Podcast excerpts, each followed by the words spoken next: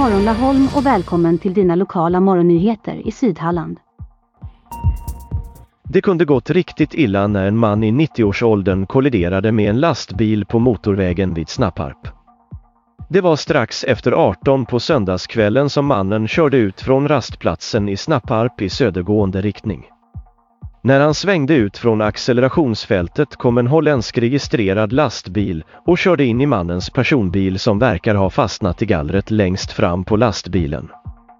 Personbilen släpades med en bit på motorvägen och blev intryckt på förarsidan. Rutorna krossades och på den högra sidan punkterades båda däcken.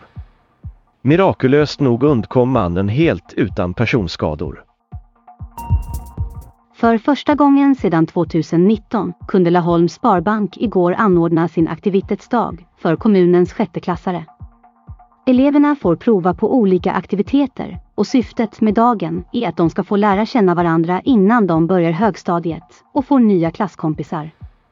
De senaste två år ställdes dagen in på grund av coronaviruset, men nu kunde alla samlas på Glänninge park igen för att spela fotboll, brännboll, prova diskgolf, golf, volleyboll och gå ungdomsbrandkårens tipsrunda.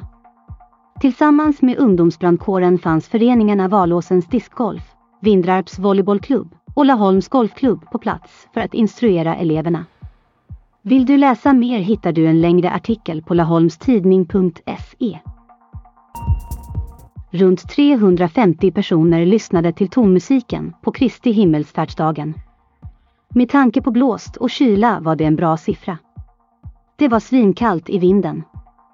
Folk höll ju nästan på att frysa ihjäl, säger föreningen Gamla Laholms ordförande Christer Jonsson. Det var många som kom för att lyssna till den traditionella tonmusiken på Kristi himmelsfärdsdagen.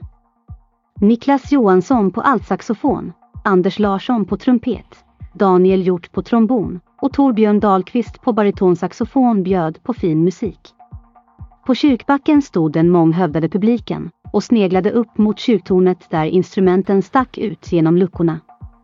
Efteråt stärkte sig 75 personer med kaffe och vetebröd i gamla krukmakeriet. Arrangerande föreningen Gamla Laholm bjöd. Trots den isande vinden får man ändå säga att det blev en praktfull succé.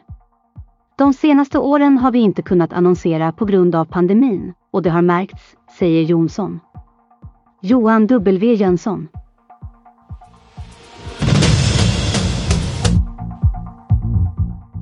Det var allt vi hade att bjuda på idag. Tack för att du lyssnar på God morgon Laholm. Vill du stötta den lokala journalistiken kan du göra det via laholmstidning.se lt-supporter.